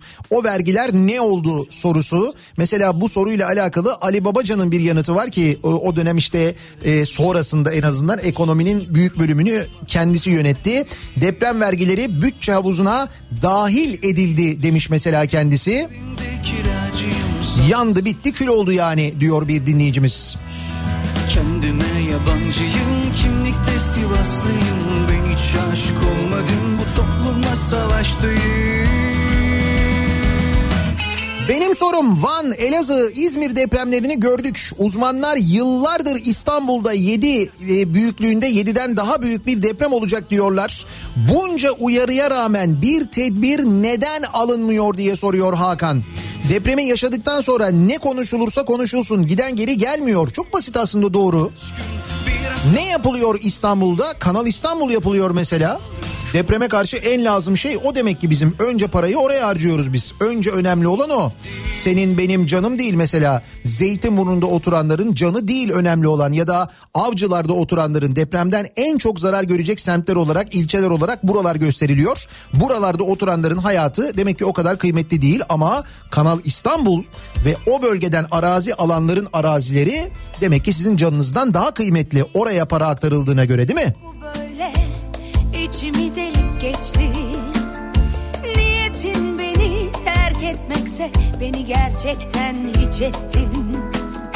Kime benzedim durma söyle Hangi hallerim eski aşklarından? Nasıl bilirdin beni söyle Ne çıkardın telaşlarımdan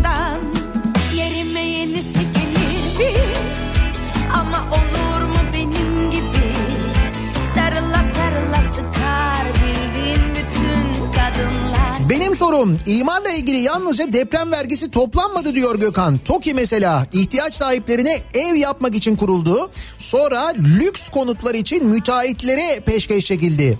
Sonra 2B için milyarlar toplandı. En son imar affından paralar toplandı. İşte ne oldu bu paralar diye soruyor. Doğru sadece deprem vergileri yok bunlar da var değil mi?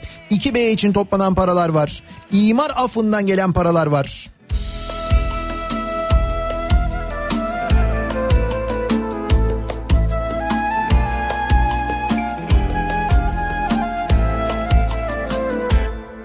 Sessizliği bu böyle içimi delip geçti Niyetin beni terk etmekse beni gerçekten hiç ettin Benim sorum olası İstanbul depreminde toplanma noktaları nerede?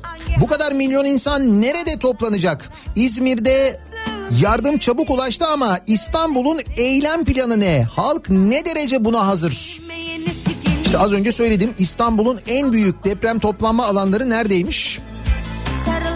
Zincirlikuyu mezarlığı ve Feriköy mezarlığıymış. En büyük toplanma alanları buralarmış. Evet İstanbul'da 1876 tane toplanma alanı var ama toplanma alanı denilen yere bakıyorsunuz binanın dibi. Tabii böyle yerler var.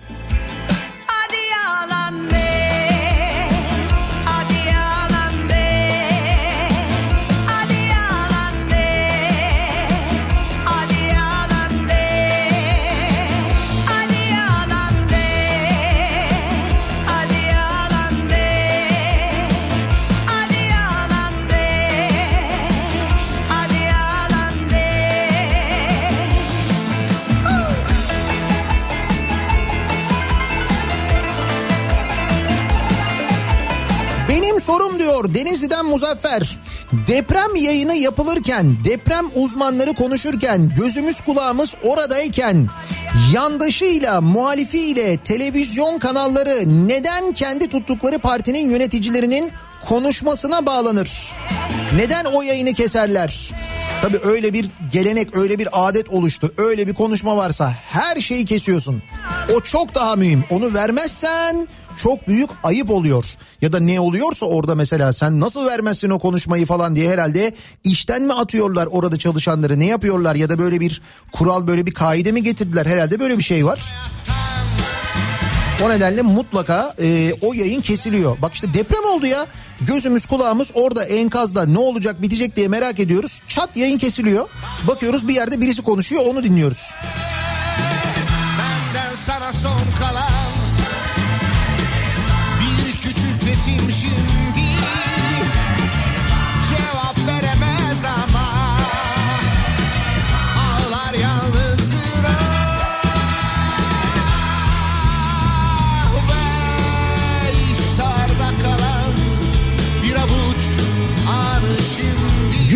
Günlerdir kafamı kurcalayan soru. İzmir'de yıkılan bina sayısı 17. Tamamen yıkılan yanılmıyorsam 6 olması lazım.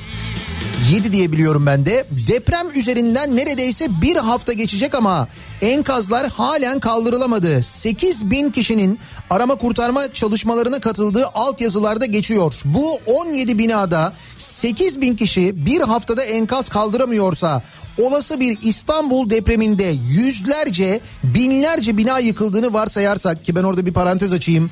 En iyi ihtimalle 7'den büyük bir İstanbul depreminde 30 bin binanın yıkılması bekleniyor İstanbul'da. 30 bin. Yani böyle yıkılması derken yan yatması falan değil hasar görmesi değil. Yıkılması kadayıf diyorlar ya öyle olması. 30 bin bina en iyi ihtimalle. Eğer böyle olduğunu varsayarsak vay halimize. Bir de madem biz deprem bölgesindeyiz ben enkaz kaldırmada bu enkazların kaldırılması için geliştirilmiş bir iş makinesi göremedim diyor. Var mı bununla ilgili bir hazırlığımız, bir mesela araç parkımız falan? Bir ara deprem konteynerları vardı hatırlıyor musunuz? Sonra o konteynerların içindekiler çalınmıştı. Sonra o konteynerları, e, konteynerları aldılar götürdüler bir yerlere koydular. Anahtarlarını e, kaybettiler ondan sonra hatırlayın. Gazeteciler gittiler konteynerin anahtarını bulmaya çalıştılar. Muhtarda dediler muhtara gittiler. Muhtar benim haberim yok dedi.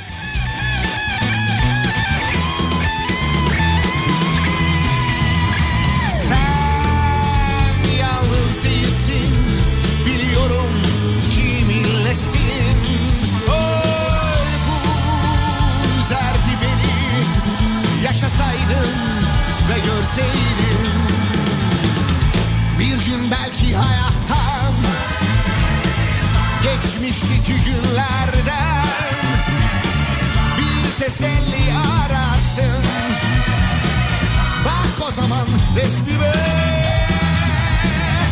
Gör akan o yaşları lalay Hay lay lay la la lay. Hay lay lay la la lay. Hay lay lay la. Diyor ki dinleyicimiz Yıllarca kıt kanaat biriktirdiğimiz paralarla Sefaköy'de deprem öncesi yapılmış bir ev aldık. Belediye binaların boşaltılıp yeniden yenisinin yapılmasını söyledi. Biz de bu konuda hemfikiriz ama binayı boşaltıp nereye gideceğiz? 1800 lira emekli maaşıyla geçiniyoruz. Bu parayla kiraya çıkıp yaşama şansımız var mı? Gerçi şu an bile yaşıyoruz denilemez.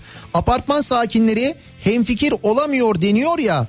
e, bu da hemfikir olamama sebeplerimizden birisi. İnsanların çaresi yok Nihat diyor bir dinleyicimiz. Tabi böyle şeyler yaşayanlar da var. İşte burada devlet var. Devlet bunun için var zaten. Eğer sen o binanın yıkılmasına maddi olarak yani yıkıldıktan sonra e, maddi olarak yaşamaya gücün yetmiyorsa ya da mesela o bina kentsel dönüşüme girdiğinde senden bir fark isteniyorsa eğer sen bunu ödeyemiyorsan bu ödeyemediğini devlet görecek ve devlet diyecek ki ben bunun için varım devlet bunun için var zaten. Ben sana şu kadar geçinmen için para veriyorum o binanın dönüşmesi için de bu kadar para veriyorum diyecek. Emekliyim diyorsunuz. Demek ki yıllarca devlete bir para ödemişsiniz. Devlet sadece o ödediğiniz sigorta primleri değil, yıllarca ödediğiniz vergiler de var. Devlet bunun karşılığını şimdi vermeyecek size de ne zaman verecek?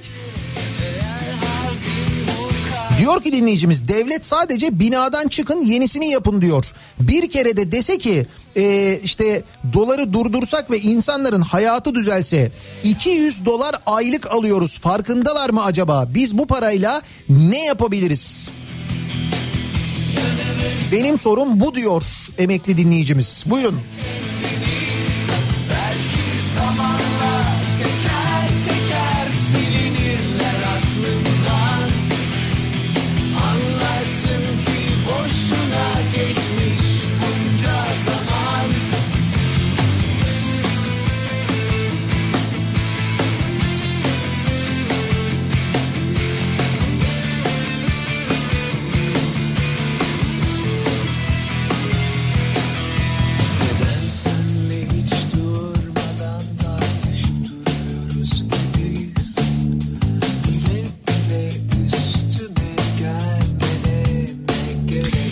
Babam mimardı ve son birkaç yıl yapı denetçisi olarak çalıştı. Gittiği inşaatlarda demirin yeterli kalınlıkta olmadığı, betonun o bina için sağlamlık koşulunu yeterince karşılamadığı durumlarda eksikler listesini verir ve inşaatın devamına izin vermezdi. Bu nedenle o kadar çok müteahhit ve şantiye şefiyle tartıştı ki anlatamam. O inşaatlarda çalışan işçiler babama derlerdi ki sizden önce hiçbir denetçi bu inşaatın üst katlarına bile çıkmadı. Demirin kalınlığını hiç ölçmediler. Evet yasalar var. Yapı denetçiliği de bu yasalarla geldi ama insanlarda vicdan yok. Bu çürümüşlükle nasıl mücadele edeceğiz? Yüreğim sıkışıyor artık. Bu bahsettiğim olay her an büyük depremin beklendiği İstanbul'da oluyor. Benim sorum sizce İstanbul'da ne olur? İşte anlattım İstanbul'da en iyimser tahminle 30 bin binanın yıkılmasını bekliyoruz. 30 bin diyorum ya. Ve gerçekten de Gizem'in dediği gibi eğer vicdan olmazsa hiçbir denetim işe de yaramıyor.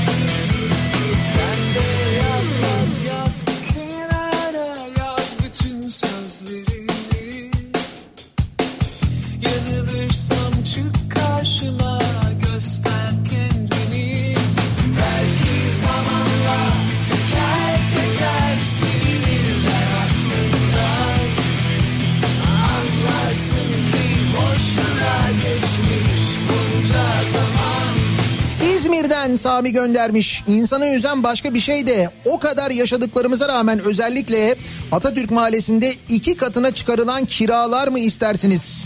Halen evinde oturan insanların kiralarına zam yapmak isteyen ev sahipleri var. Vicdan. Herkese lazım vicdan. Herkese. Bakın görüyorsunuz siz e, işte bulunduğunuz yerden İzmir'deki depremzedelere yardımda bulunmaya çalışıyorsunuz. Bunun için çırpınıyorsunuz. Siz bunu yapmaya çalışırken İzmir'de kiracısının e, kirasını arttırmaya çalışan ev sahipleri var. Depremden sonra bunu yapmaya çalışanlar var ve var gerçekten maalesef. Bir ara verelim. Reklamların ardından yeniden buradayız.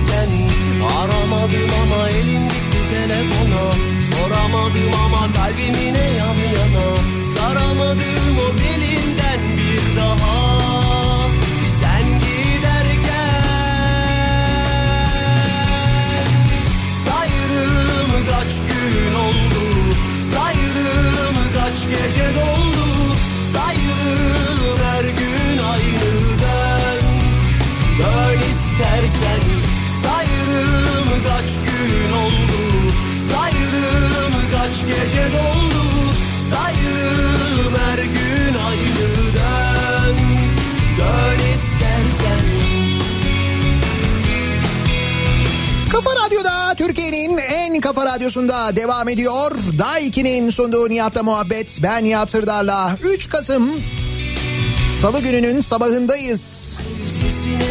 Hepimizin hakkında sorular var. İzmir depremi sonrası aklımıza gelen sorular en başta ne oldu acaba deprem vergileri sorusu ki bu soruyu sadece depremlerden sonra değil biz hep soruyoruz. Sadece e, deprem sonrasında depremi konuşmuyoruz hep konuşuyoruz biz. Daha Sen giderken Sayırım kaç gün oldu? Sayırım kaç gece doldu? Sayırım her gün aynı dön Dön istersen Sayırım kaç gün oldu? Sayırım kaç gece dön Yaşım 52 diyor bir İzmirli dinleyicimiz. Gördüğüm en büyük zaman olarak da uzun bir deprem. Biz ilkokula giderken deprem anında yapılması gerekenleri biliyorduk. Okullarda eğitiliyorduk. Bu depremde biz evde deprem sonrası emniyet alırken elektrik, su, doğalgaz, çanta, insanların panik halde sokağa feryatla bağırarak çıktığını, katlı binaların dibinde oturduğunu gördüm. Hemen sokağa çıkmanın kurtuluş olmadığını, toplumda tatbikatların ne zaman yapılacağını, ciddi deprem eğitimlerinin ve iyi vatandaşlık eğitimlerinin okullarda ne zaman başlayacağını merak ediyorum. Depremin değil yapılan evlerin öldürdüğünü insanımız ne zaman öğrenecek diye soruyor İzmirli bir dinleyicimiz. Gerçekten de doğru düzgün bir afet eğitimi ısrarla verilmemeye devam ediyor. İlkokuldan itibaren deprem ülkesi olan Türkiye'de üstelik her depremde bu kadar zarar gören bir ülkede ilkokulda, ortaokulda, lisede hatta üniversitede afet eğitimleri düzenli olarak ve sürekli verilmeli. Neden verilmiyor? Bırakın biz afet eğitimi vermeyi, çocuklara eğitim verdiğimiz okulların gü- güvenliğini, sağlamlığını bile denetleyemiyoruz. Onun için ayrılan bütçeyi kesiyormuşuz. Bugün onu öğreniyoruz gazetedeki haberden. Saydım Biz yayınımızın sonuna geliyoruz. Mikrofonu Kripto Odası'na Güçlü Mete'ye devrediyoruz. Güçlü Mete'nin bir de konuğu var Kripto Odası'nda birazdan. Kocaeli Üniversitesi Jeofizik Mühendisliği Bölümü öğretim üyesi Profesör Doktor Şerif Barış. Güçlü Mete'nin konuğu olacak Kripto Odası'nda birazdan hatırlatalım. Yeniden görüşünceye dek sağlıklı bir gün geçirmenizi diliyorum. Hoşçakalın.